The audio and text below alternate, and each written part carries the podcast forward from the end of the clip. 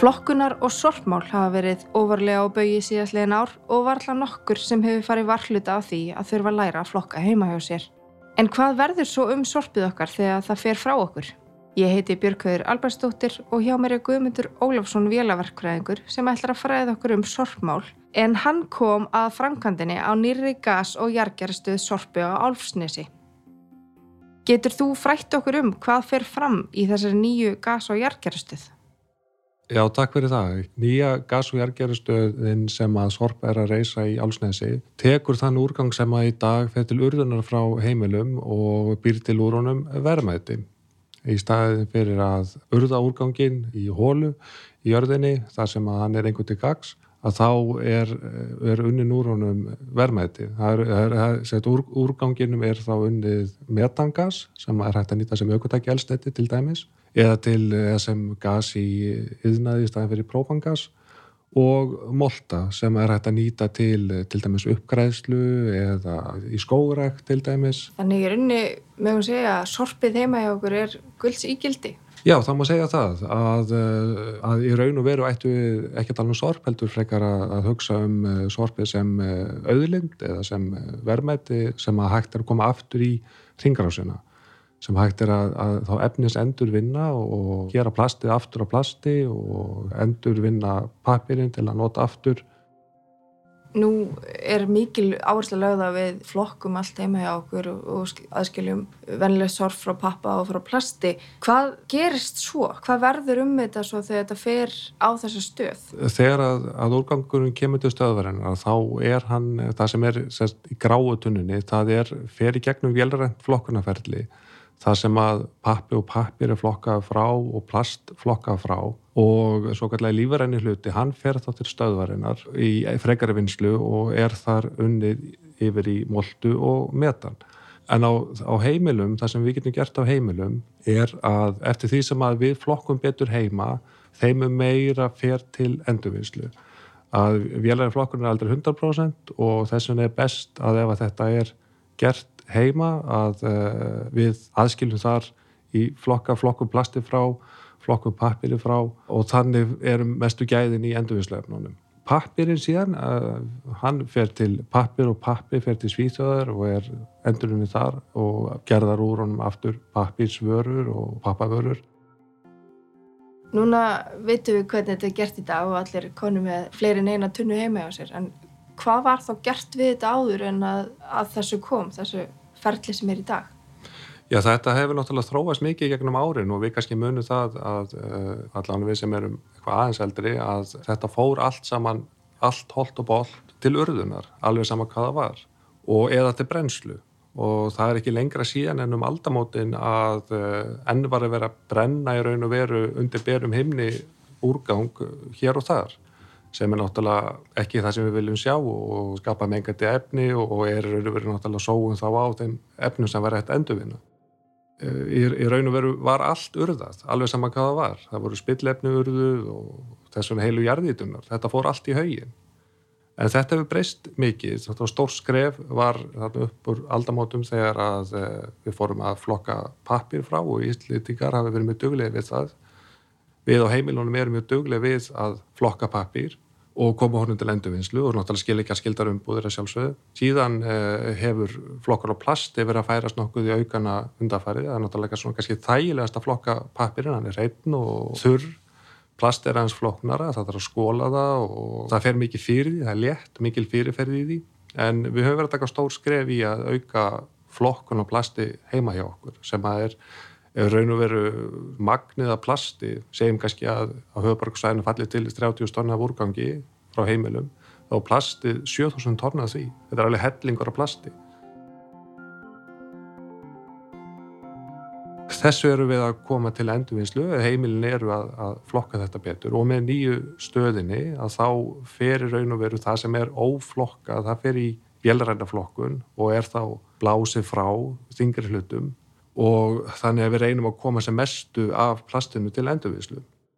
Hvað gerir svo þessi nýja stöðu við þetta plast? Er þetta salt út í landi? Er þetta unni hérna heima, Hva, hvað gerist svo? Það er góð spurning, að í raun og veru er þetta svona forvinnsla, ákveð forvinnsla sem ásist stað í, í stöðinni, það sem að plastiði flokka frá og það er þá í raun og veru bara pressaði stóra bakka, eins og bara heibakka, þanniglega, og sendt út til endurvinnslu og, og þannig fer það frá okkur.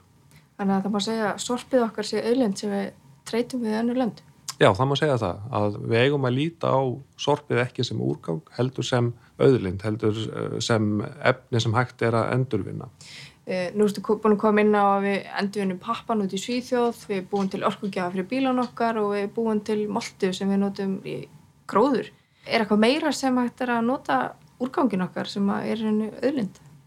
Það sem að er flokka frá og það sem við erum endur, senda til endurvinnslu við erum að endurvinna úr við erum að endurvinna pappan og svo erum við að endurvinna plast í auknu mæli. Og það hefur til dæmis skapast auðnaður á Íslandi en ekki stór þar sem að plast er til dæmis nýtt í, endur nýtt í vegstekur það er endur unnið og búinar til úr plastinu vegstekur og eftir því sem að uh, við hugsaum meira um endurvinnslu og hugsaum meira um að við séum með verðmætti höndunum að þá getur það verið kvati fyrir nýjan yðnað sem, sem að nýti þá þessi endurvinnslu efni sem hráefni í sína framleiðslu.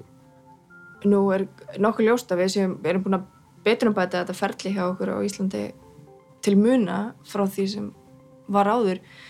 Er þetta er þetta ásýndamál eða er þetta einhver krafa annar stað frá sem að gera það verkum að við erum farin að hugsa meira um þessi málumni? Já, ég held að þetta sé, það er ákveðin vitundavakning sem er átt sér stað og að fólk er meðvitara um umhverju sitt, það er meðvitara um úrgangsmál, það er meðvitara um að, að við eigum bara eina jörð og, og, og að við höfum bara ákveðinu auðlindir sem við megum ekki sóa þannig að, að það er mikil vitundavakning sem hefur átt sér stað eh, þar að auki að þá eru við eh, bundin af, af lögum og það er að koma gildi reglugerð frá Európussambandinu sem að er raun og veru bannar urðun á lífarænum og brennelum úrgangi og hvað þýðir það? Það þýðir að það eina sem að má urða er óverkur úrgangur og það eru til dæmis steinefni og gler og slíkt en, en allt sem að er lífarænt eða brennalegt, til dæmis eh, timbur, plast, eh, eh, eldhús, þetta sem fellur til eldhúsun hjá okkur, að það verður ekki leifilegt að urða þann úrgang og við erum að tala um bara á næstu missurum að þessi reglugjart ekki gildi. Við þurfum að koma öllum úrgangi sem er lífrætni eða brennanlegu til ráðstöfunar og það er hægt að gera til dæmis með lífræna úrgangin að með því að umbreyta honum í, í, í moldu og metan. Gerir þessi nýja stöð þá, hún flokkar allt þetta frá þannig að það sem að fer til urðunar er þá þessi reynu glir og, og steinumni og, og eh, lífrann úrgangur verður á moltu, pappin flokkast í pappa og plastið og, og svo framvegist.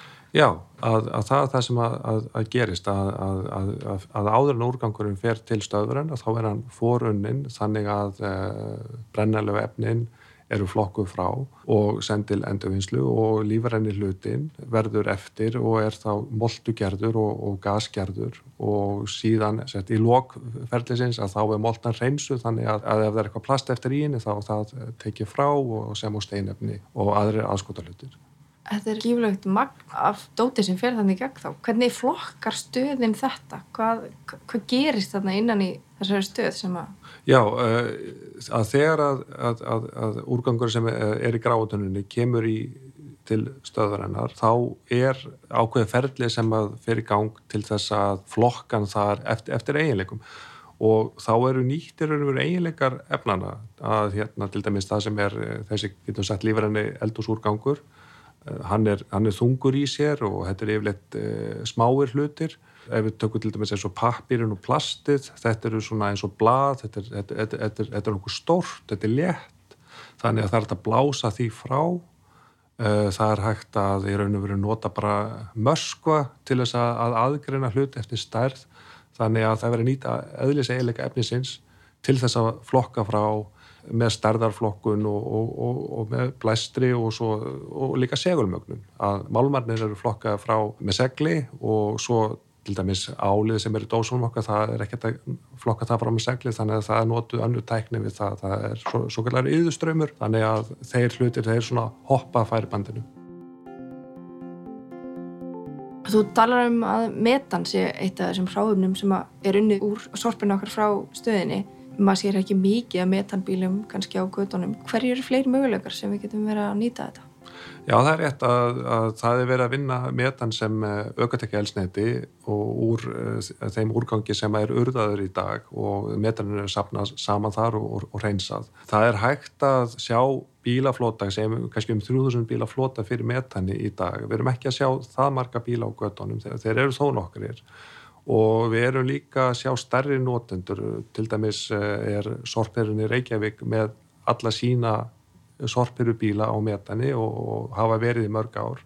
Eh, það eru möguleikar á að nýta metanið bæði á enga bílinn og ekki síst á, á aukutæki sem eru í segja, samfélagslegri þjónustu eins og til dæmis uh, strætó. Það verður hægt að, að sjá nokkuð stórum uh, flota strætisvagnar fyrir metani og þá verður við að í stað þess að nýta innflutt elsneiti að nýta þá sjálfbæran hátt innlenda elsneitisframlegslu fyrir samgöngur. Nú segir að það er 30.000 tonn sem að falla til á höfbruksæðinu að sorpi. Er ekki samt svolítið líkilatri að við reynum að minka það til framtíðar? Jú, algjörlega. Við eigum að minka það magn af uh, sorpi sem að fer til urðunar. Í raun og veru er urðun lagastu kosturinn uh, sem ráðstöðun fyrir, fyrir úrgang.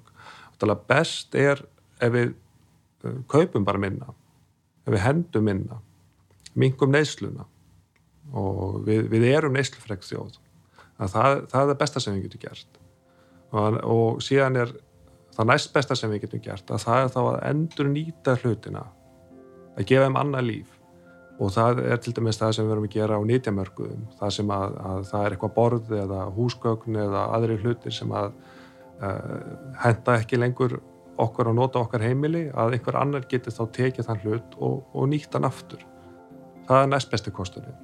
Og þriði bestu kosturinn er þá að endur vinna efnis endur vinna að gera þá til dæmis pappisúrgangin aftur á pappir, koma um aftur inn í ringarásina og þannig að við séum með sjálfbæra nýtingu á okkar náttúru öðlundum koma plastuna aftur inn í ringarásina málmónum og, og, og glerinu og svo framvegis. Og það gerum við með því að flokka rétt? Já, akkurat. Þetta er mjög fróðlegt. Hjá mér er Guðmund Rólusson vélavarskræðingur sem er búin að koma hérna inn á málefni Sorpu og nýju gas- og jargerastöðina. Ég heiti Björg Veralbæstóttir. Takk fyrir komuna og takk fyrir að hlusta.